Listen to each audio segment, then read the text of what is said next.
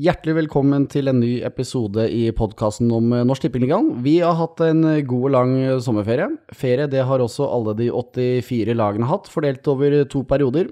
Nå er det spilt 14 kamper i samtlige. Vi er altså litt over halvspilt, og det er på tide å se litt tilbake på hva sesongen har gitt oss, og komme med noen spådommer for framtida. Og ved min side har jeg som alltid deg, Anders Rosvold. Du koser deg som vanlig med litt breddeball. Ja, jeg gjør det, og nå er det inn i en deilig periode her mye blir avgjort. Og så får vi opprykkskamp og nedrykkskamp på tampen av sesongen. Så det er en spennende måned vi går inn i nå. Heldigvis det er det, og heldig er vi også med at vi ikke er alene her i dag. Vi har fått med oss eh, en gjest. Han har spilt i tre forskjellige klubber i løpet av sin karriere, på tre forskjellige nivåer. Alt fra Obos-ligaen til gamle tredjevisjon. Nå holder han til i, ja, du gjettet riktig, Norsk Tippeligaen. Velkommen til deg, Kristoffer Heier i Solbakken. God dag, god dag. Hvordan er livet på Sveum eh, akkurat nå? Akkurat nå så er det veldig bra. Eh, vi har eh, hatt en oppadgående kurve som, som, er veldig bra. Så det lyser sol på Sveum. Endelig er det sol over Sveum, altså. Vi skal prate mye mer om Brumunddal. Kort om dagens program. Det er jo en stund, til, stund siden vi var her sist nå. Og vi tenkte aller først at vi skal bli litt bedre kjent med vår gjest. Så kjører vi kronologisk gjennom alle avdelingene, altså én til seks. Og så skal vi også innom tribunekampen til slutt. Men vi begynner med deg, Heier. Altså, du er jo oppvokst, og du er jo Dalagutt uh, opprinnelig, er du ikke? Jo da, født og oppvokst i Brumunddal. Altså den reisa der òg, det har jo vært uh, tredjevisjon, opprykk, og det har vært nedrykk og litt av hvert. Altså, fortell litt om den. Eh, ja, for min egen del så starta det på A-laget i 2004. Så det er min 15. sesong på, på topp, eller på, i tredjedivisjon eller oppover. Um, så det har vært mange oppturer, og så har det vært noen nedturer. Um, generelt en, uh, mange fine år på Sveum. Mange fine år, Men du stakk jo av. Du var jo bl.a. med Stavanger IF da de rykka opp til da det het Adeccoligaen, hvis ikke jeg tar helt feil? Det stemmer. jeg spilte der i 2008. Ehm, da var jeg i militæret. Ehm, så fikk jeg min onkel til å sende en mail til eh, ledelsen i SIF. Eh, og ble, eh, og ble invitert på trening. Gjorde det såpass at de ville ha meg. Og det fungerte bra med den stillinga jeg hadde på, på Madla. Ehm, og da spilte jeg der det året. Vi var i en en veldig fin gjeng. Eh, gode fotballspillere. Um, så det endte faktisk med opprykk og, og Adeccoligaen 2009. Ja, det har ikke gått like bra med den klubben siden da. Det er jo en eh, veldig spesiell historie. Eh, det gikk vel opp eh, hvert år, eh, utom ett år i, fra femtedivisjon, og, og, et, og hadde ett ett år i, mm, på nivå tre, da, andredivisjon, eh, før de gikk opp eh, i 2008. kom opp i Adeccoligaen, som sagt, i 2009, før de ja, falt regelrett rett ned til femtedivisjon. Så det er, det er en spesiell klubb. Men, men, jeg hadde et veldig fint år sagt der. Men du gikk jo rett tilbake til tredjevisjonsspill i Brumunddal da i 2009? Mm -hmm. Og så ble du da opprykk der, og så var det din tur til å prøve deg i Adeccoligaen. Ja, uh, som sagt ble det opprykk i 2009. Vi, vi vant den avdelinga. Uh, og spilte opprykksfinale mot uh, Flisa. det var en, litt av en match, eller matcher. Lå under 2-0 etter første kamp. og vi det var vel ikke alle som trodde at vi skulle ta det, men vi vi vant 3-0 på Sveum og gikk opp til uh, andredivisjon. Uh, da jeg, valgte jeg å gå videre og spille for Sundet. Um, Nybergsund, for dem som ikke er herfra, så mm. har vi klargjort det. Ja. ja så da ble jeg henta av Ola Brenden um, og spilte der i tre sesonger. Det var jo rett og slett altså, Adecco-eventyr som var oppe i Trysilskogene, altså de sesongene du eh, spilte der. Ja, absolutt. Det Opprykket i 2008, var det vel. Eh, så hadde de en, fant en god, fantastisk sesong i 2009. eh, og en bra sesong i 2010. Eh, og så begynte nedturen litt på Eller starta på i 2011 eh, med, med mye utskiftinger. Det har jo vært alltid i Sundet, men, men eh, dårligere økonomi og litt mer eh, utenomsportslige ting. Så det sørga for at vi gikk ned i 2011. Eh, Så spilte jeg der ett år til i 2012. Det er jo faktisk første gangen Anders, at Nybergsund nå er på nivå 4 igjen. De har holdt seg på nivå 3 fram til og med i fjor, da, da de gikk ned i siste serierunde. Ja, og det, når det ble såpass eh, tøft nivå som det ble, så er det jo naturstridig at et lag som Nybergsund skal holde seg oppe. Hvor mange er det som bor i bygda der? 40? Det er ikke mange, i hvert fall. Nei, det er jo ikke så lang, lang vei til innbygda i Trysil, men eh, allikevel, da. Det er jo eh, naturstridig at et lag som Nybergsund skal holde seg oppe, og det, det har jo vært en eventyrlig reise. Og nå ser det ut som de skal klare å klamre seg fast i, i Norsk Tippingligaen. Det så jo litt uh, stygt ut her, en, uh, en veldig tung periode der de tapte mange kamper, men nå er de litt tilbake på vinnersporet, så det blir jo en spennende høst. For det, det er veldig jevnt uh, fra midten og ned i avdeling fem. Det er det, og vi skal komme tilbake til det. Men altså siden det så har det vært eh, Brumunddal som har gjalla for deg. Ja da, fra 2013 så har det vært eh, Som sagt, da gikk vi, vant vi opprykket foran Lillestrøm. eh, og spilte igjen andrevisjon i 2014. eh, og spilte der eh, til og med 2000 og Tunga rett i munnen. 2017, før vi måtte ned igjen eh, i fjor. Um, ja. Det er den korte historia om Kort. Heier Solbakken sin karriere. Bra, vi skal komme tilbake til hvordan ståa er i Brumunddal når vi kommer innom avdeling fem, men nå hopper vi bare løs på hver avdeling her. Jeg driver og roter litt i papirene mine. Anders, du har ti minutter frist på hver avdeling. Vi kjører ti minutter om hver, og så kjører vi rett og slett eh, videre. Men vi kan jo begynne med avdeling én, hvor eh, Eidsvoll Turn har skaffet seg en luke på tre poeng ned til Lørenskog. Eh, Lørenskog derimot, de sikra seg tre viktige poeng mot Nordstrand eh, sist, og i slutten av måneden her så er det duket for en liten eh, opprykksfinale. Jeg vil nok ikke kalle det finale, for jeg kikka litt på gjenværende program før sendinga, og det, selv om Eidsvoll Turen skulle vinne den kampen og da ha seks poengs forsprang, så tror jeg ikke det er avgjort. For det, de har igjen ganske mange tøffe kamper, bl.a. Molde 2 treff og Sarpsborg 08s eh, B-lag på bortebane den eh, høsten her. Så det er nok ingenting som er avgjort der. og nå var jeg og så Eidsvoll Turn sine to siste kamper før ferien, hjemme mot Treff og borte mot Herd. Og da vant de en knepen seier mot Treff der, og så røk de jo stort med 4-0, faktisk, i Ålesund mot Herd. Og det er et lag som har slitt litt med skader og, og trengte den ferien. Så blir det spennende å se nå hvordan de har klart å bruke den ferien. Har jo signert eh, noen spennende spillere. Fått tilbake bl.a. Niklas Brenna Karlsen, som har vært eh, student på Sørlandet og spilt i Don og i Fløy. Og så har de også henta kapteinen da, til eh, Reddy, Henrik Navarsete, som, som går inn og styrker det forsvaret der som, som turen trenger.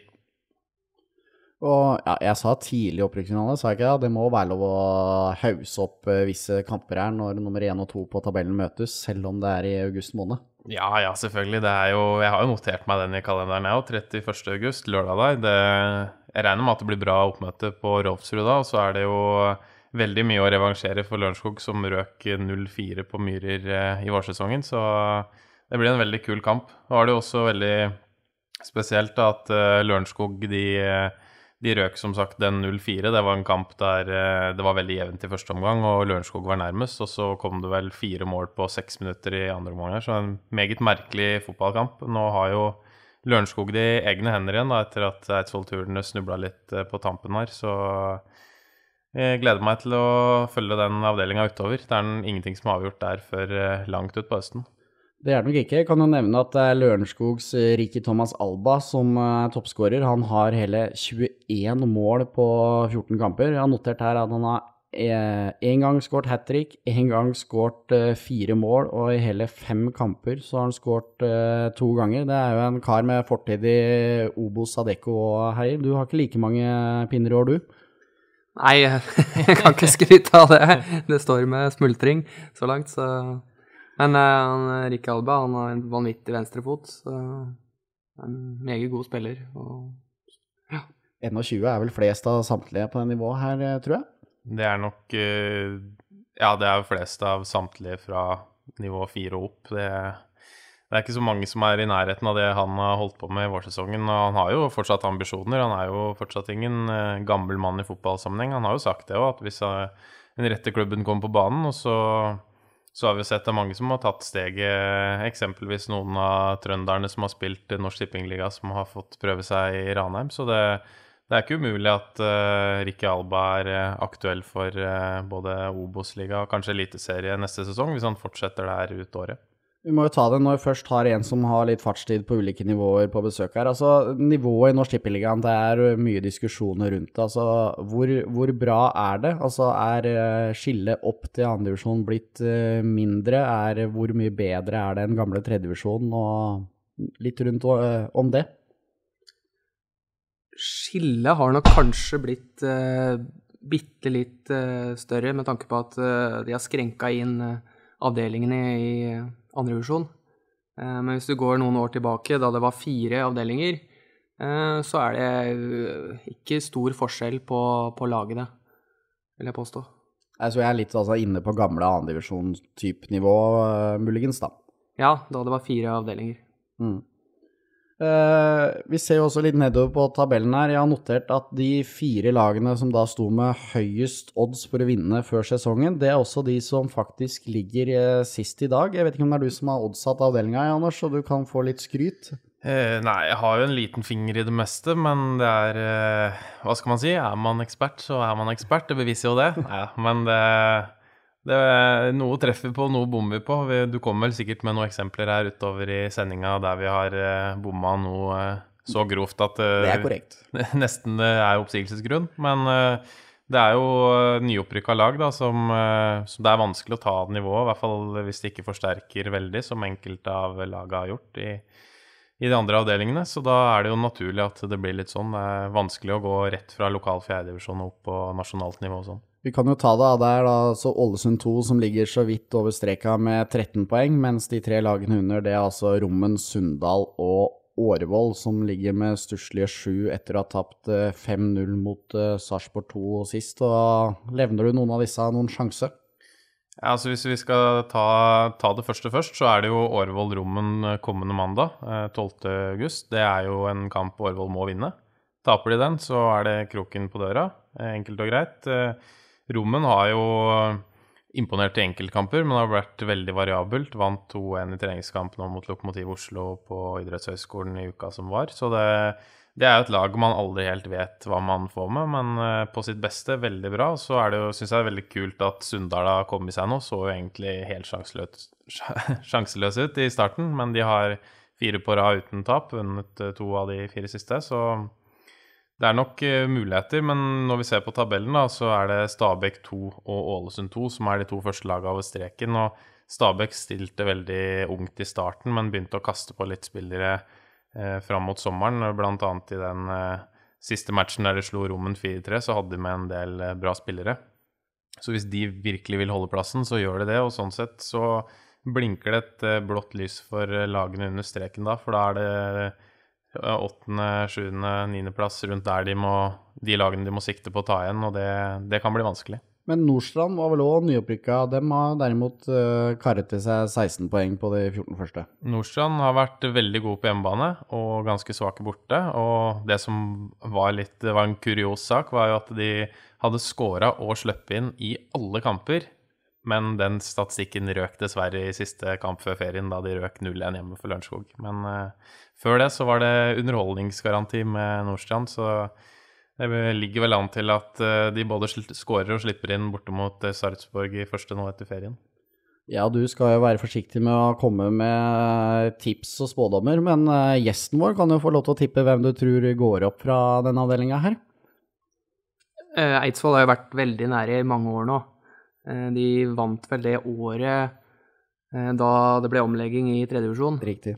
Ehm, så de har jo vært nære, som sagt. Ehm, så jeg, har, jeg tror fortsatt at Eidsvoll skal ta det her.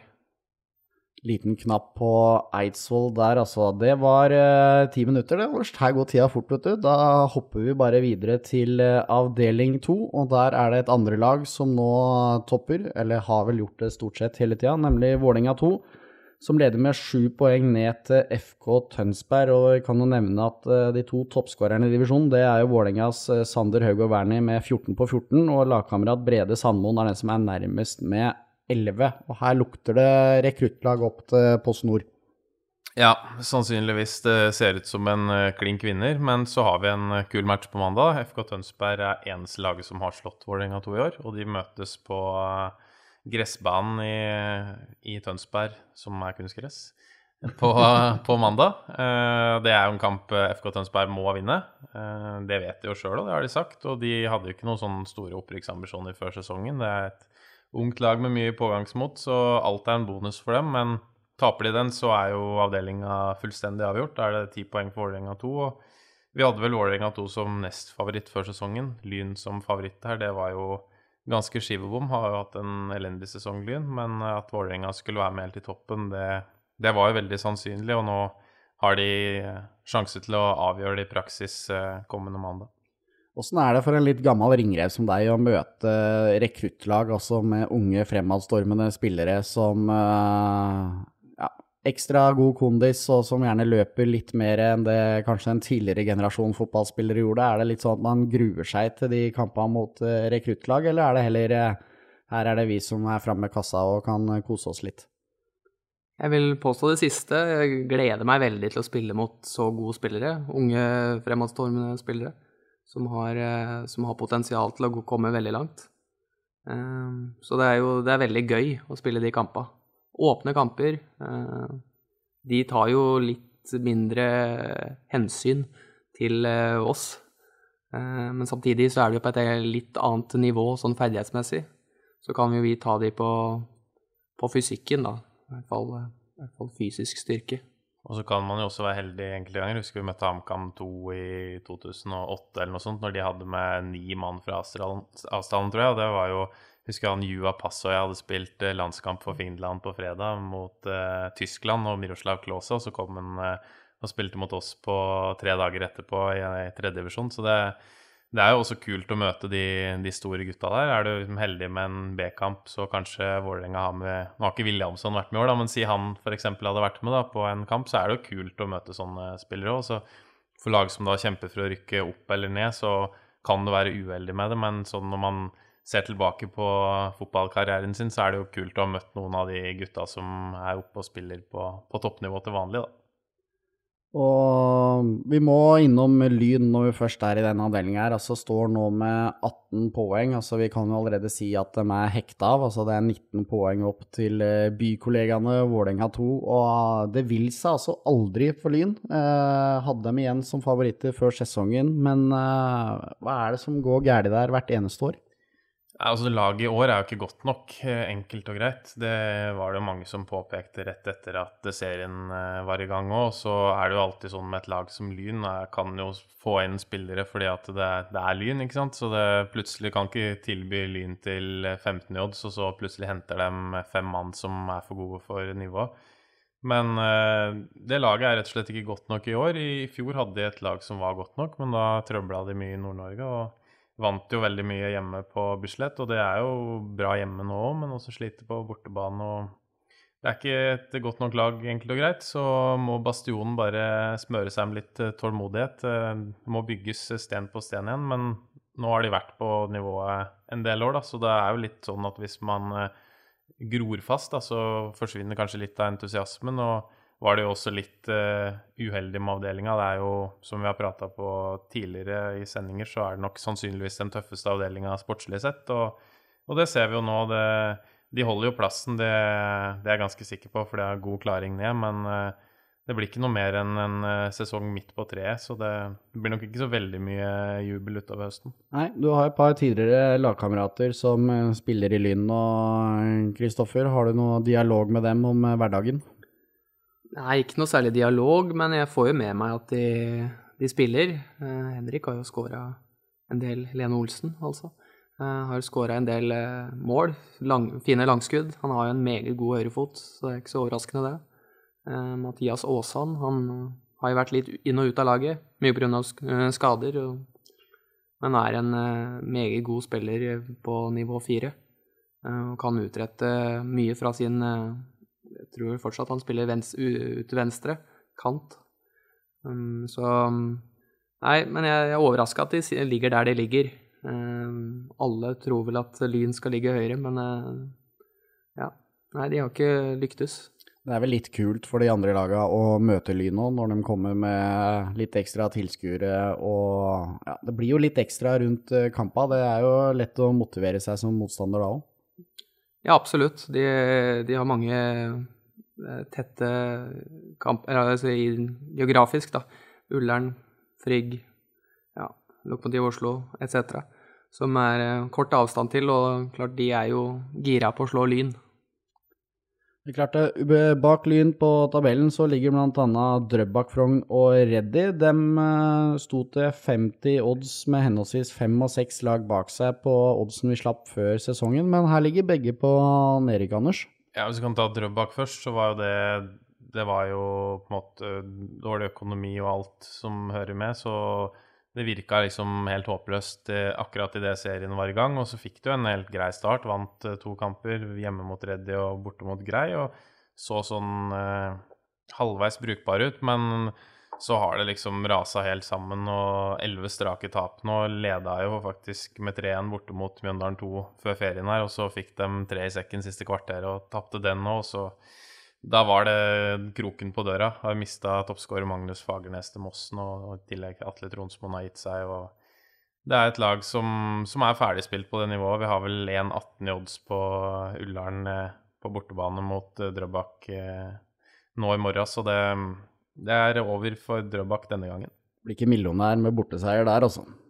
Spørs hva du satser, det. 500 grense, må minne om det eh, på det vi tilbyr. Men du kan riktignok spille flere ganger. Eh, noe mer å tilføye om eh, avdeling to? Det har du garantert? Ja, det har jeg. Jeg vil trekke opp igjen Follo, som ble litt sånn halvveis sagd av deg etter de to første kampene, der de fikk skikkelig juling av Vålerenga 2 og FK Tønsberg. Og jeg da svarte at vi får se åssen Follo er, og du gjorde litt narr av at at da hadde de jo sluppet inn tolv på de to første. Og så sa jeg men det er jo ikke sikkert det er representativt for sesongen. Og nå har de eh, virkelig tatt opp hansken og er nummer fem og har uh, vunnet uh, Hvor mange har de seire har de? Og har i hvert fall kun tapt tre av de tolv etter du sa det, så det Sju seire. Ja, ikke sant? Og tatt poeng i ni av tolv etter at du meldte det. Så får sende en liten blomsterbukett til Follo, som faktisk var bedre enn eh, du trodde. Og eh, møtte jo da de to beste lagene i de to første kampene, så da var det kanskje ikke så rart at, eh, at de tapte de to. Jeg tar det med. Jeg beklager det. og så er det jo litt synd at det har stoppa seg såpass for Norild. Var jo veldig bra entusiasme og pågangsmot i starten. og veldig god på hjemmebane, og så har det stoppa seg veldig og har vel vunnet én av de siste åtte, tror jeg. De andre sju er tapt, og den seieren kom borte mot uh, Drøbak Frogn. Nå får du en ekstremt viktig kamp uh, hjemme mot Halsen i helga. Det er jo en av de kampene de, de har brukbare muligheter for å få med seg noe, men uh, når vi ser at det er fire poeng opp til trygg plass, og det er Mjøndalen to, og så vet vi at Mjøndalen kan kaste på litt, så, så, sånn sett så er det kanskje grei man må sikte seg inn på, da, det er sju poeng opp for Reddy. så Reddy Norild og Drøbak Frogn de ser litt uh, fortapt ut i snakkende stund. Det er ikke gøy å ligge på den når du ser det er et uh, rekruttlag for Eliteserien som ligger på plassen over streka.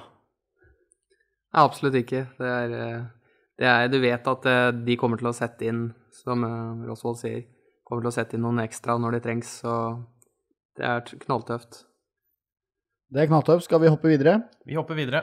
Da går vi over til eh, avdeling tre, som per dags dato toppes av Fløy Flekkerøy, som leder med sju poeng. Det er Viking 2 som eh, ligger eh, nærmest der, og her er vi snakker vi om en klubb og et lag som gjerne vil opp igjen. Ja, det var jo veldig overraskende at de gjorde det såpass dårlig i Post Nordligaen i fjor. Det var et lag vi, vi hadde trodd skulle gjøre det mye bedre der. og viste jo med signeringene før sesongen, som vi var inne på i den uh, podkasten som omhandla avdeling 3, at det her er et lag som skal opp igjen og har, uh, har gjort det de skal og har sju poengs klaring etter drøy halvspilt. Det, skal jo da tilsi omtrent uh, 12-14 poeng uh, som de skal vinne med, så det virker som de har veldig god kontroll på det her. Og Viking 2, som er nærmest, vet ikke hvilken interesse de har av å skulle kaste på enda flere spillere for å utfordre det her, så det er går nok mot et ganske greit opprykk for Fløy. Det her er jo altså avdelingen som strekker seg fra ja, Stavanger-distriktet og nedover via Sørlandet og så vidt opp til eh, Telemark. Eh, må jo også nevne MK her, da, eller Mandalskameratene, som ligger på tredjeplass med 27 poeng. Jeg noterte her at eh, vi hadde vel en odds på dem. De sto faktisk til 100 odds eh, før sesongen, så det her er en outsider. Ja, han bikka vel på bikka opp på 150 før vi begynte. Det det er jo en liten bom. Var jo eh, De som hører på og er interessert i det her, har vel kanskje lest saken fra Mandal. Var jo der en tur i, i slutten av juni og så dem smadre Start 2 med, med 6-0. Kjempeoptimisme igjen i Mandal nå. Var faktisk nesten 800 og så på dem i siste hjemmekamp før ferien en, en mandag i juli mot Bryne 2. Så et fantastisk anlegg med flere kunstgressbaner og gressbaner. og nei, virkelig et lag som er på vei fram igjen. Og det for oss som husker eh, tidlig 2000-tallet med Mandalskameratene mot HamKam i førstedivisjon og sånt, så, det, så er det veldig kult. Og skal vi trekke fram eh, noen av spillerne på laget, så er det jo vanskelig å komme utenom Joakim Holtan. Da. 15 skåringer så langt. Eh, kaptein i den kampen jeg var og så på der. og og han er virkelig en spiller som går foran, og han kan jeg nesten garantere at vi kommer til å få høre om mye høyere opp i, i divisjonen enn Norsk Tippeligaen. Her er det også mange Stavanger-lag, eh, Kristoffer. Eh, du kjenner vel så vidt flere av dem, selv om eh, din gamle klubb ikke er en av dem som er på det nivået her? Jeg kjenner spesielt til Madla og Vardenes, Vardeneset, VBK, som, er, som har ligget VBK som har ligget i tredjevisjon nå mange år. Madla var i den tiden jeg spilte der, i fjerdedivisjon, så nivå fem, men har kommet seg opp til tredjedivisjon. Ja, Madla var jo et av de lagene som var en liten outsider som vi hadde før sesongen, men uh, har jo variert uh, veldig, da. og jeg synes Vardneset var vel en kjapp tur ned om fjerdedivisjon for et par år siden, men ellers vært uh, mye tredje. Og, og de har jo signert Steffen Jacobsen nå i sommer fra Vidar. Jeg gikk jo dit for to år siden, hvis jeg ikke husker helt feil, etter en meget god vårsesong i Vardneset da. så han er en, eh, en, spiller som kan eh, skåre mange mål for det Vardnes-laget er. Og det blir jo, som vi prata om i stad, så er det jo to lag da, som er rekruttlag som ligger under streken. Tenker jeg spesielt på Start 2, da, som eh, mobiliserte bra i fjor høst for å klare seg. og Regner med at de gjør det samme igjen. Så det blir en skikkelig kamp i bånn her. Brodd på sjetteplass med 20 poeng, åtte ned til streken. Det det er ikke derfra og ned. Det er topp fem jeg er sikra med tanke på neste år, jeg er ganske sikker på. Så resten ned der, det blir en kamp for å holde seg. Det blir det, og når vi er inne på det med andre lag, altså du har andre lag over deg på streken, så får Vardneset med Bryne 2 og Start 2 under der òg. Da vet du at det blir en kamp. Men jeg var litt mer innpå Madla, ja. For da, vi møtte jo noen Madla-spillere òg, blant annet når jeg var på vår podtur til Stavanger, og da var det jo en Kjeppøy Bekk, var det ikke, da, som meldte at laget var nesten godt nok for å rykke opp, men det ser da virkelig ikke sånn ut? Nei, vi, det var vel litt skriverier på Twitter eh, før sesongstart her med noen som meldte Madla i toppen, og da var vel kapteinen ute og avkrefta at eh, det var totalsjanseløst, så det var vel eh, kanskje mer et par halvlitere som snakka da, enn eh, en realismen. Eh, har et godt nok lag til å holde seg, eh, Madla, men som vi nevner nå, så det blir tøft i bånn. Et lag som Porsche f.eks. Eh, avslutta jo før ferien mot Fløy og tapte litt ufortjent eh, 0-1 nede der. Og heva seg veldig og gjort et par signeringer i sommer. og Stål Jørpeland er bra, Don leverer hjemme. og Brodd har hatt litt utskiftning i sommer, bl.a. mista Rasmus Martinsen. Så det blir mange interessante nedrykkskamper her utover høsten. Men altså, du sier at til og med Brodd fra sjetteplass uh, er med i nedrykkskampen her utover den uh, høsten, uh, sånn det er nå, da. Ja, det ser jo sånn ut, da. Brodd har starta jo ekstremt bra, og så stoppa det seg veldig opp. Og det var veldig fint for dem å avslutte vårsesongen med å vinne 3-2 borte mot Viking 2. Den trengte dem, gruppa, for å gå ut i ferien der med en litt positiv følelse. Og som sagt så har de mista både Rasmus Martinsen, som har spilt uh, mye for Viking, og han har gått til Hinna i fjerdedivisjon. Og så har de mista uh, keeperen sin, som er uh, polsk, og en kantspiller, Golunski, også en polakk, som har reist tilbake.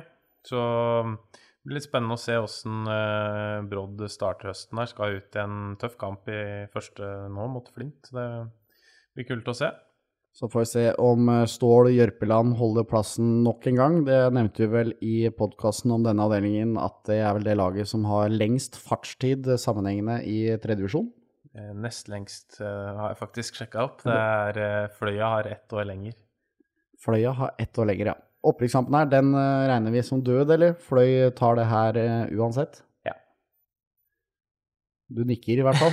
ja, jeg er helt enig. Det er sju poeng opp for Viking 2 og jeg vet ikke om de har ressurser, mulighet til å ta igjen Fløy. Nei, altså de er jo i Eliteserien nå, er jo nyopprykka, og det er jo ikke banker at de holder seg der heller. Det er vel fem poeng ned til Nervik, Nedvik, eller fire, tror jeg kanskje der, òg, til eh, understreken. Så de har jo selvfølgelig fullt fokus på å holde seg der, og så fyller de på brukbart på rekruttlaget, men at de har noen ambisjon om å rykke opp til PostNord, det tviler jeg sterkt på.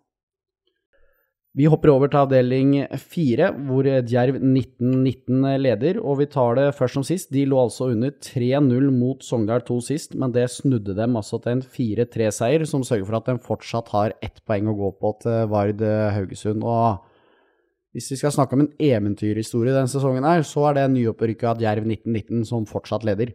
Ja, det har vært fantastisk gode. Uh gjorde noen smarte signeringer før sesongen. Eh, noen som kom fra Vard Haugesund, henta vel fire mann med erfaring fra Post Nordligaen. Men så har de også mange gode eh, egne spillere og trener eh, knallhardt mandag til fredag. Fem økter i uka, kamp lørdag, og så er det gutta ute og jobber med restitusjon søndag. Så det er toppseriøse gutter som virkelig vil noe med det her. og det er kult å se den entusiasmen de spiller med, for mange opprykkslag starter veldig bra, og så slokner det litt. Men uh, Djerv 1919 viser jo absolutt at uh, det gjelder ikke dem.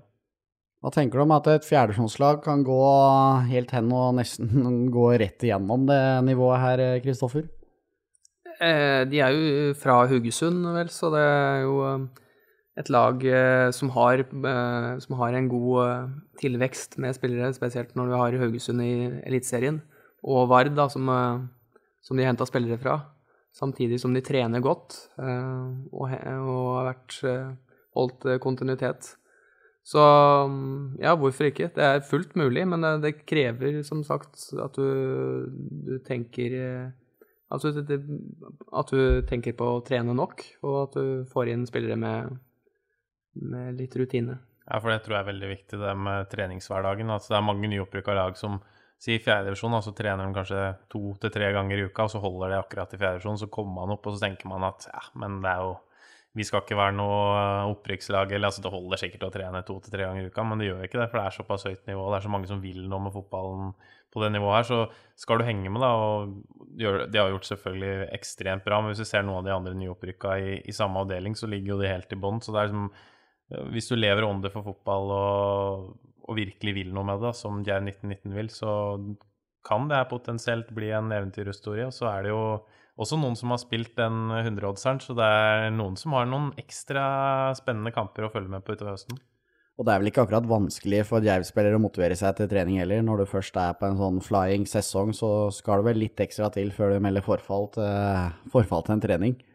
Nei, de er jo klart De er jo Stine har selvtillit og tro på seg sjøl, så ja, hvorfor ikke? Det kan gå hele veien. Men samtidig så er Vard Haugesund og Lysekloster eh, to lag som er, eh, er eh, vet å kjempe både i, i andredivisjon, men ikke minst Lysekloster, som har vært i, og kriga i toppen i tredjedivisjon en del år, som, som lukter det veldig. Opprykk. Og så er det vel siste serierunde er vel på Haugesund stadion mellom Vard Haugesund og Djerv 1919, så vi kan jo, I fjor hadde vi jo to rene opprykksfinaler i siste serierunde, og så kan vi få det i år igjen. Det er jo ekstremt kudos til han på eh, kontoret der på Ullevål som sitter og setter opp terminlista. da. Ja, Spørs om han hadde så for seg det da, når han satte opp eh, det der. Det skulle godt gjøres. Ja, det, hvis det holder hele veien inn for begge to her, så er jo det imponerende for uh, Altså imponerende at han ser sånn i, i spåkula.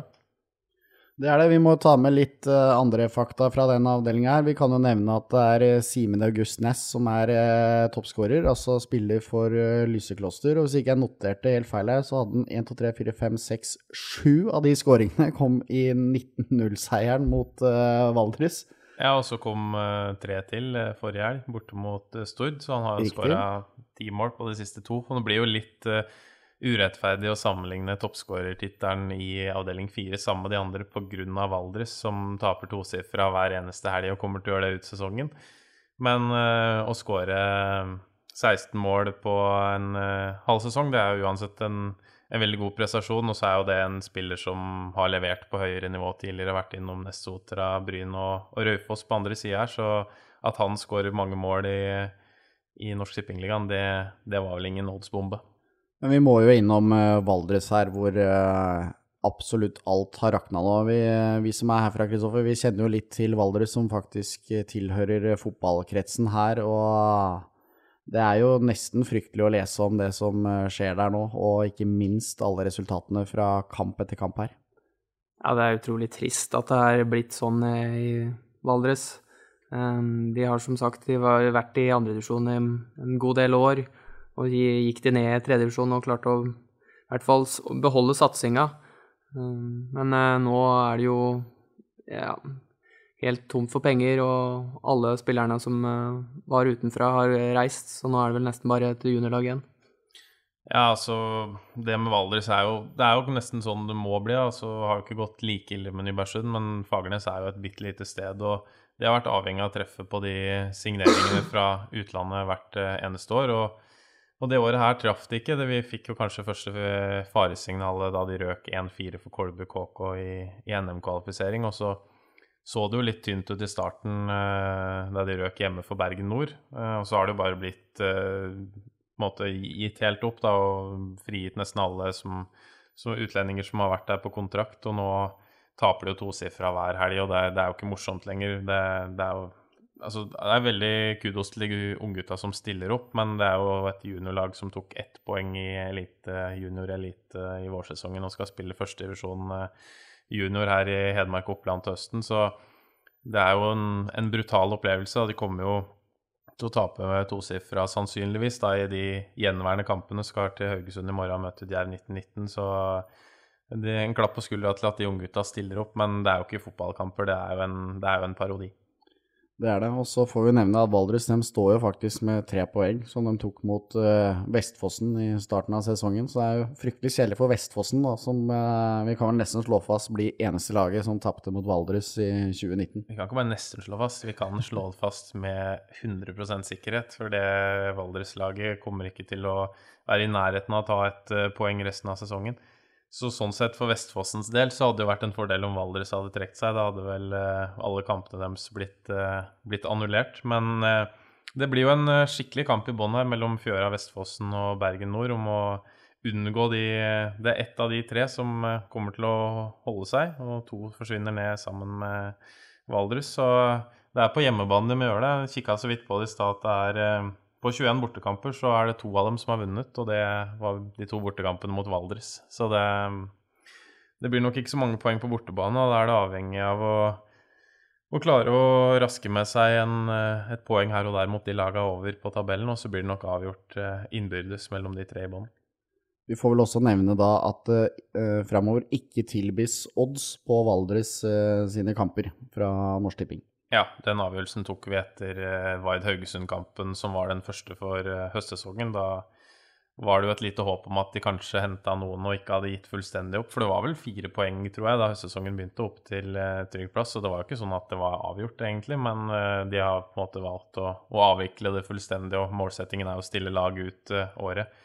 Så da, da, blir det en, en, parodi som jeg var inne på i stad, og de røk jo 0-19 borte for Lysekloster her for et par uker siden. da hadde, reiste de med elleve mann, og så var det en stakkar som fikk strekke etter et kvarter. Og da spille med, mot et veldig godt lyseklosselag eh, der borte på Vestlandet med ti mann i nesten hele kampen, det, det måtte jo bli grisestygt. Jeg tippa 15-0 før kamp. Kanskje jeg hadde fått rett hvis eh, det hadde vært 11 mot 11 i kampen, men eh, nei, det er synd på gutta som jeg var inne på. Så er det selvfølgelig veldig stort at de, de stiller opp og bruker fritida si på, på det her. Uh, Fyllingsdalen er jo også i den avdelinga. De sto til tre i odds da avdelingen ble sluppet ut, men ligger på sjetteplass med 25 poeng. Er de, er de hekta av? Ja, de er hekta av. Det, det, står mellom de tre i toppen. Lyskloster har sju strake, møter Bergen Nord i, i kveld, fredag, i snakkende stund. Og tar fort sin åttende strake der. Uh, og spilt seg vir virkelig inn i det etter en litt svak start. Og så er jo også Fana for så vidt på skuddhold. Eh, sju poeng opp til Djerv Jav 1919, men eh, Fana-laget er bra defensivt, men litt for tynne offensivt, tror jeg, til at de kan være med å, fighte i toppen her. Også Fyllingsdalen også er veldig gode på sitt beste, men litt for variable. Så det står mellom de tre i toppen nå om opprykket. Lite tabelltips her og heier? Jeg går for lyseklosser. Jeg hadde jo vel Lysekloster på topp uh, før sesongen begynte, så jeg også må vel uh, stå inne for at jeg fortsatt uh, tror Lysekloster gir Haugesund-laga en god kamp. Det er korrekt. Du ga Lysekloster 2,50 odds før sesongen, og det lar vi være siste ord fra avdeling fire. Da er det over til avdeling fem, hvor dagens gjest bor, og her er det altså Rekruttene til Rosenborg som eh, topper foran rekruttene til Ranheim. Det er Rosenborg 2 står med 30 poeng og Ranheim 29, så det er tett der. Og med 27 poeng følger eh, Kolstad og Gjøviklyn. Det er tett i toppen der, eh, Kristoffer? Ja, det er det. Det er fire lag som skiller seg ut. Og som sagt, det er to andre lag som er på første- og andreplass. Så jeg tror Ja, nå gikk jo Gjøviklyn på et stygt tap nå mot Kongsvinger sist. Spesielt uh, tapsifra 7-4, rett og slett. Ja, de hadde vel endra formasjon med å gå over til tre bak. Uh, 3-4-3, det jeg har fått uh, høre. Så, um, og begge keeperne ute. De har jo vel henta en Ulstinski tilbake igjen. Sammen med Novak, så var begge ute, som hadde en tredjekeeper, en unggutt, tror jeg. Nei, han lurer på meg, han er på alderen vår. Har ja. stått i Gjøvik for en del år siden. Var innom Redalen og Kolb, lurer på meg én kamp for Kolbu i år. Mm. Som uh, Han snørte vel på seg en hanske for å hjelpe moderklubben. Det var nok ikke hans skyld, men hvis det er ett et lag, eh, topplag som jeg kunne tippa det hadde gått sånn med, så er det Gjøvik. Eh, fordi at det er ekstremt mange strenger å spille på offensivt, og så syns jeg det kan bli litt tynt defensivt. Og hvis de da kommer under og liksom begynner å jage, så kan det fort bli et sånt hockeyresultat. Så Selvfølgelig elleve mål i en, en, kamp, det er jo veldig mye, men det er et lag, topplag som jeg kunne forutsette at det hadde gått sånn med, så er det Gjøviklyn, føler jeg. da. Det er jo altså Espen Haug, han er glad i angrepsfotball, og, han eh, Og det har vært litt sånn uh, gjentagende i de kampene jeg har sett av Gjøviklyn, at de, de, angriper med alle mann, og da blir det litt uh, mye bakover. Eller lite spillere bakover, så de Sånn som mot Rosenborg 2 da de gikk på et 4-2-tap. Eh, og mm, da kunne sikkert Rosenborg ha skåra ti. Mm. Ja, for da var det vel 0-0 til pause, og det er jo ja. Så da var det åpne sluser i andre omgang. Så, så sånn sett, hvis uh, Gjøvik er jo bare tre poeng bak her, så de er jo De kommer til å være med å fighte inn. De har jo vært en uh, Kult å se at Rocky på en måte leverer såpass som han har gjort. da, for Når han tar enda et steg ned, er jo ikke så lenge siden han var oppe på øverste nivå, så kunne jo tenke seg at han følte seg litt mett og bare skulle være ute på happy, men han syns jeg virkelig har vært god sammen med Ole Thomas Skogli. og de skåra veldig bra med mål, så um, Gjøvik kommer til å henge på utover de. Rocky Lekai, altså, Gjøvik-spissen, eh, som da har 15 eh, mål og er toppskårer i avdelinga. Du var jo sjøl forrige helg og møtte Rosenborg 2, hvor dere spilte 1-1. De var jo nære på opprykk i fjor òg, dette Rosenborg-laget. Så de eh, skarpe ut, eller var det svakhetstegn at dere fikk med dere poeng? En kombinasjon, tenker jeg. Vi, vi har heva oss veldig. Mm, samtidig så, så har Rosenborg ja, det, var, det, er et ungt lag. Det, er, det vil variere på de òg. Um, men nå hadde de med Botheim uh, som, som skåra um, 1-1-målet på slutten. Uh, med flere gode unggutter. Um, men de, det blir nok en kamp som jeg tror de vil uh, dra i land og få opprykket sitt, som de er interessert i. Samtidig så, så er det ikke kimsa av at, at Ranheim 2 er altså imponert veldig eh, med at de bare ligger ett poeng bak. Og, Og Kolstad, som er et fysisk robust lag som minner meg mer om for så vidt andredivisjonsfotball enn en, en del andre lag med tanke på styrke og kraft. Um, så det er fortsatt åpent, vil jeg si, men um, Rosenborg er jo utgangspunktet favoritten. Du har vel en Kolstad-kommentar til en tidligere gjest, har du ikke det klart?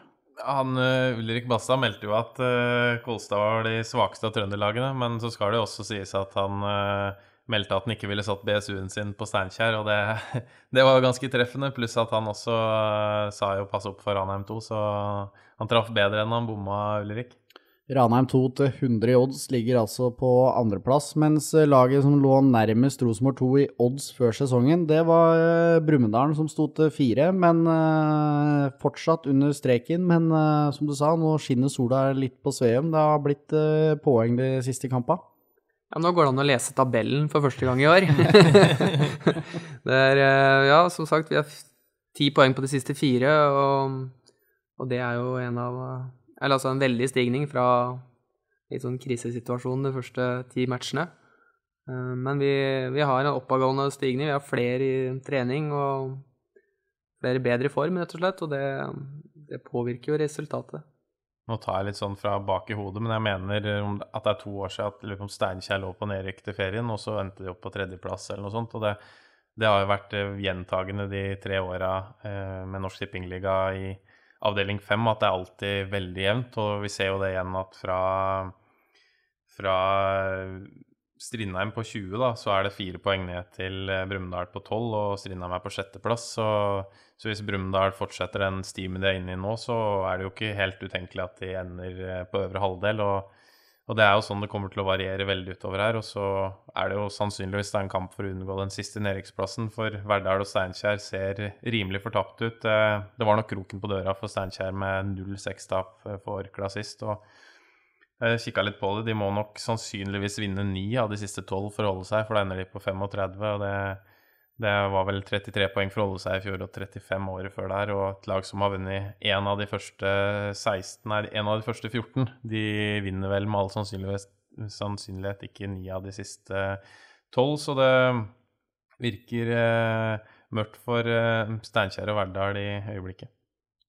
Men ta litt om uh, Brumunddals reise, for du nevnte jo det er jo bare to år siden det var på snor og rykka ned. Og nå er det altså en kamp uh, for å overleve i uh, Norsk Tippeligaen. Hva er det på en måte som uh, har gått feil på veien, hvis det går an å spørre om det?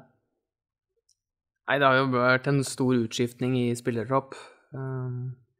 gått fra ganske mange rutinerte, eller i hvert fall midten og slutten av 20-åra, til at vi har noen få av oss rundt 30, og så resten er det, er det unggutter. Uh, og det vil påvirke, og samtidig er det en flott ut, utviklingsarena for de unge gutta å få, få spille tredjevisjon. Så, så det, det, mest sannsynlig så vil vi forhåpentligvis ta flere poeng og klare å uh, beholde oss i tredjevisjon. Um, så nei, men det er, det er, ikke, det er ikke noe gitt for det, sånn som nå sist, da, så slår Kongsvinger i Gjøvik 7-4 og, og, biter fra seg.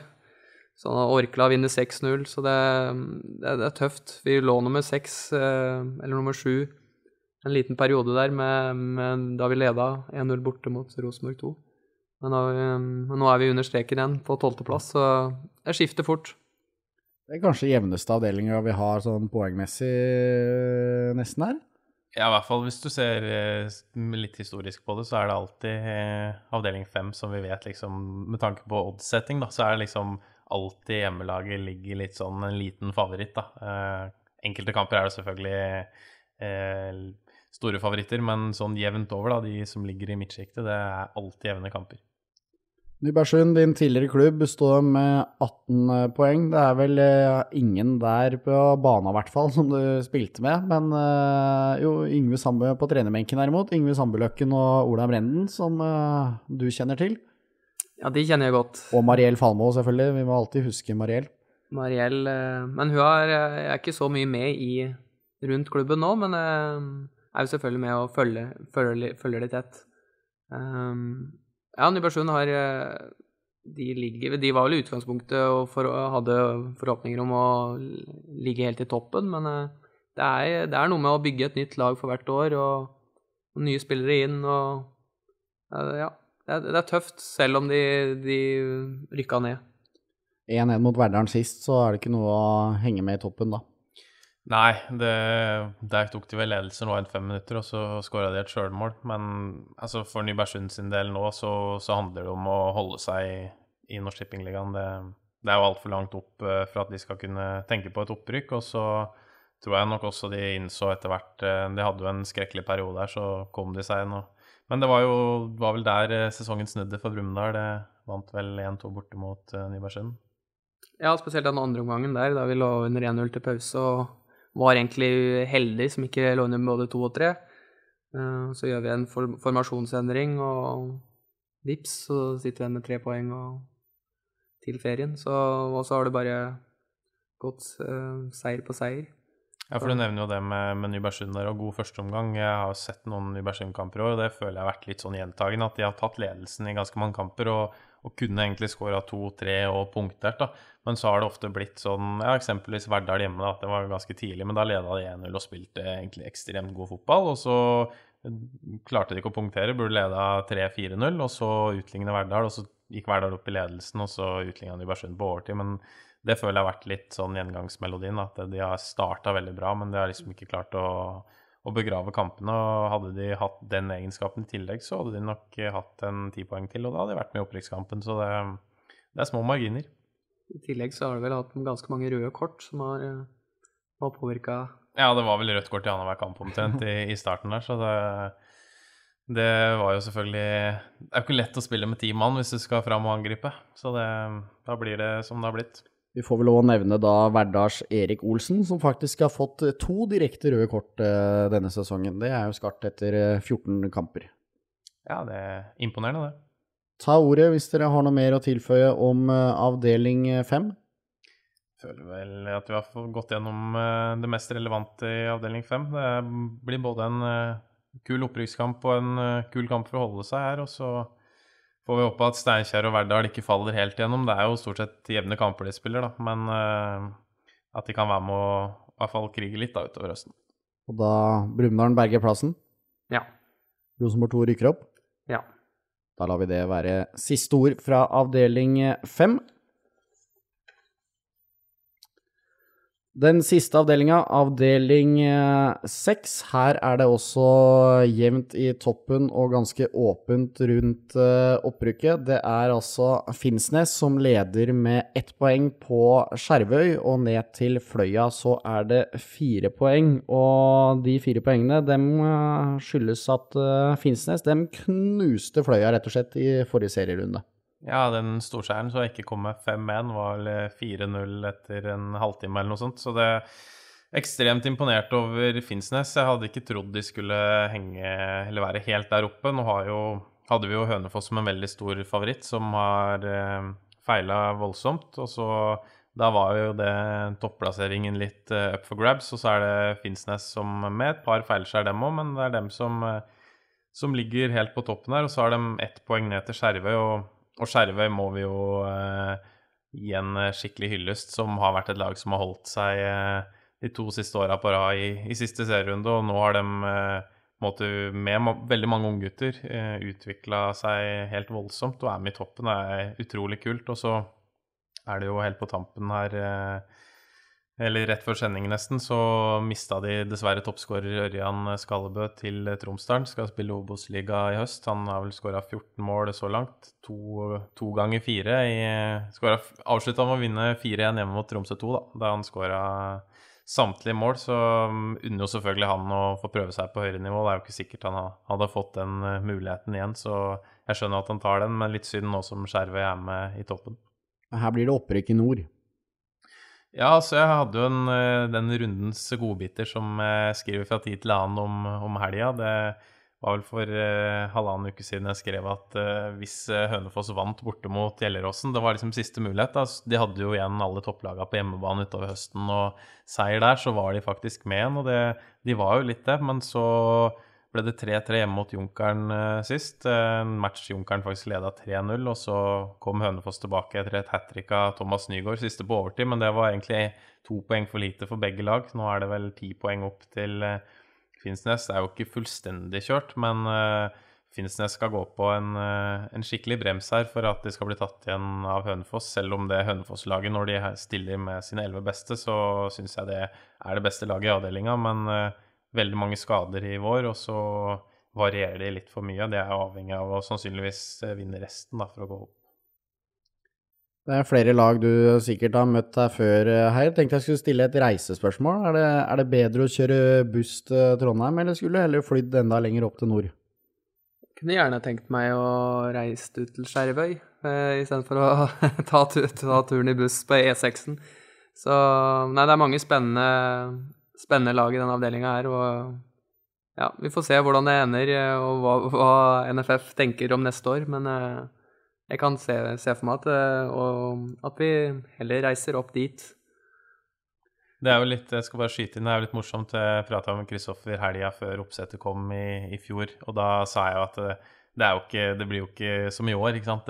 Brumunddal slipper selvfølgelig alle bussturene til Trøndelag. Det er ikke noe å tenke på. ikke sant? Jeg var jo helt sikker på at Brumunddal sin tur til å reise nordover og Det er jo mye bedre å sitte et par timer på fly enn å sitte seks-sju timer i buss eh, hver vei. Men uh, nå ble det noe, egentlig et identisk oppsett i år da, som i fjor. så for Brumunddals del så får vi håpe at de uh, først og fremst holder plassen, da, og så uh, at de kanskje får seg noen turer nordover. Kristoffer har jo vært med Brumunddal nordover mange ganger og vært, opplevd mange flotte steder. Senja, Steigen bl.a. Hammerfest har det vel vært det òg, så det, det, er kult å reise nordover og få oppleve litt annet enn uh, bare landeveien her på Østlandet. Absolutt, og som du er inne på det med f.eks. Steigen, da, som er en av de fan mest fantastiske turene jeg har vært på. Eh, da da hjemmelaget kommer med, en, med hele laget sitt fra Bodø. Um, og de kommer ikke tre timer før, de kommer en halvtime før, fordi motoren på, på båten har uh, krølla seg. Så det, um, det, er ganske spesielt å være i Nord-Norge og oppleve stemninga og atmosfæren og den flotte naturen. Så, og i tillegg ta med seg tre poeng hjem, så er det, er det helt kanon. Hvis jeg ikke husker helt feil, så var det vel eh, Jeg lurer på om eh, motoren gikk bensintom, fordi at han eh, som var primus motor den gangen på Steigen, han gambla på at det skulle holde da, hele veien, og så, så, gjorde det ikke det. Så det var nesten så matchen måtte utsettes. Da hadde de vel fått en, en bot der for å ikke klare å, å, komme til kampstart. Men det er mye fine turer nordover, så det har vært kult for Brumunddals del å få noen nordnorsklag neste år. Ja, vi hadde jo Gjelleråsen-trener eh, Ørjan Heiberg som gjest her òg. Da var det vel Gjelleråsen satte opp ene kampen der som liksom årets uh, tur. Hvor de reiste opp med masse, masse tilskuere og, og støtteapparat rundt uh, laget for å nyte litt nordnorsk natur. Ja, det var nå i midten av juli mot Leknes. En kamp de for øvrig var veldig gode i og vant 4-1. Og så har det jo krølla seg litt for dem etter det. Har jo leda jo på et tidspunkt der. Men så klart, å reise til Lofoten og spille mot Leknes er jo en uh, opplevelse i seg sjøl. Og så skal vi også si noen positive ord om Leknes, da, som egentlig så helt fortapt ut uh, hele våren. Men så syns jeg de har heva seg litt og, og, fått inn et par spillere, bl.a. en svensk midtstopper som jeg har fått gode rapporter på. Og så tok de poeng hjemme mot Skjervøy og tapte på overtid borte mot Skjetten, der de leda med to til pause. Så det har kommet seg litt, i hvert fall, og ikke er ingen kasteball, da, sånn som uh, enkelte andre bunnlag er. Så det fint at de spiller på seg litt erfaring på nivå nå. Og Så er det jo et klart nedrykk, selvfølgelig, men da er de nok favoritter til å rykke opp igjen fra fjerdedivisjonen Hålogaland neste år. Opprykkskampen her, Kristoffer. Hvem tror du eh, stikker av med opprykksplassen til slutt? Jeg tror vel at eh, Grunvoll skyter Finnsnes opp i andredivisjon. Det var. Lite Finnsnes-tips der. Det er ikke så dumt, det. Det er jo lenge siden dem var i andredivisjon nå. Det var er det tre-fire år siden? Nei, det er vel to år siden. Gikk ned sammen med Brumunddal. Ja.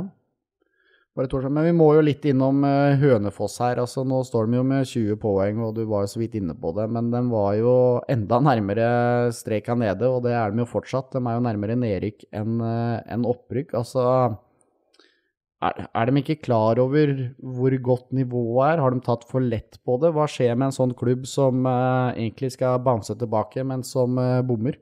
Nei, altså bomma vel ikke på Eller de traff jo for så vidt på en del signeringer, vil jeg si, men veldig mye skader i vårsesongen, kombinert med at eh, når sånne topplag da, som, som Lyn i fjor, når de reiser nordover, så er det kult å få besøk av et lag som har vært i Eliteserien relativt nylig, og så mobiliserer man kanskje bitte litt ekstra med tanke på at Hønefoss slipper seg bitte litt ned, så da ble det en, egentlig en ganske svak vårsesong. De tapte vel alt på bortebane og gjorde det bra hjemme, da. Og nå har de fått på plass igjen uh, Remon Mendy, tidligere lagkamerat av deg, Kristoffer. Han har gjort comeback. Og Ibrahima Dramé, han uh, som var innom Brann, han har jo også vært uten fotball en stund. Han har vært tilbake nå. I tillegg til at de har fått i gang igjen mange av dem som har vært skada. Så det laget nå uh, ser veldig bra ut. Uh, om det er for sent, det er vanskelig å si. Eh, ti eh, poeng på tolv kamper, det har vel vært tatt igjen før. Men da er det jo avhengig av at eh, Finnsnes skal stoppe fullstendig opp og, og skjerve uten toppskåreren sin. Så det er vanskelig å si. De har jo de, har de andre topplagene igjen på hjemmebane utover høsten. Eh, så skal ikke si at det er fullstendig sjanseløst, men eh, det skal nok mye til da, for at eh, Hønefoss blander seg inn helt i toppen nå.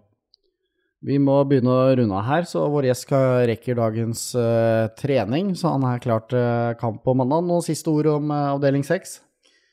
Nei, Det er jo bl.a. å se hvor, hvor, tøft nivået har blitt. Så kan man jo ta et lag som Harstad, da, som har vært en traver i andredivisjon uh, ganske mange år. Ligger to poeng over streken nå og har Tromsø 2 under. Så hvis Tromsø 2 mobiliserer litt, så er det, er det tøft for Harstad å holde seg òg det er mange bra lag eh, i denne avdelinga, så det blir mange gode matcher utover høsten. Det blir det. Det er bare å glede seg til kampene som kommer også i avdeling eh, seks. Før vi runder av, så skal jeg oppfordre til eh, to ting. Det ene er tribunekampen som vi har gående. Det er altså konkurransen hvor du som supporter og din klubb begge kan vinne 50 000 kroner hver. Vet du hvem som leder etter 14 runder? Ah, skal vi tippe? Vi tipper Vardneset. Ja, Vardeneset ligger på andreplass. Det er Årevoll som er den aller beste klubben så langt, med treff på tredjeplass. Lørenskog fjerde, Eidsvoll femte. Og Årvoll topper jo da også sin uh, avdeling. Det ligger straks ute en oversikt på Norsk Tipping sine hjemmesider. Meld deg på konkurransen der og bidra både så du kan få litt ekstra, og ikke minst din uh, klubb. Og så må både jeg og flere der ute bli bedre til å bruke en viss eh, hashtag, Anders. Ja, hashtag NT-ligaen. Du var vel og tweeta litt fra Øystein Stais comeback i Brumunddal-trøya og meldte mål på Stai uten NT-ligaen. Det er skuffende.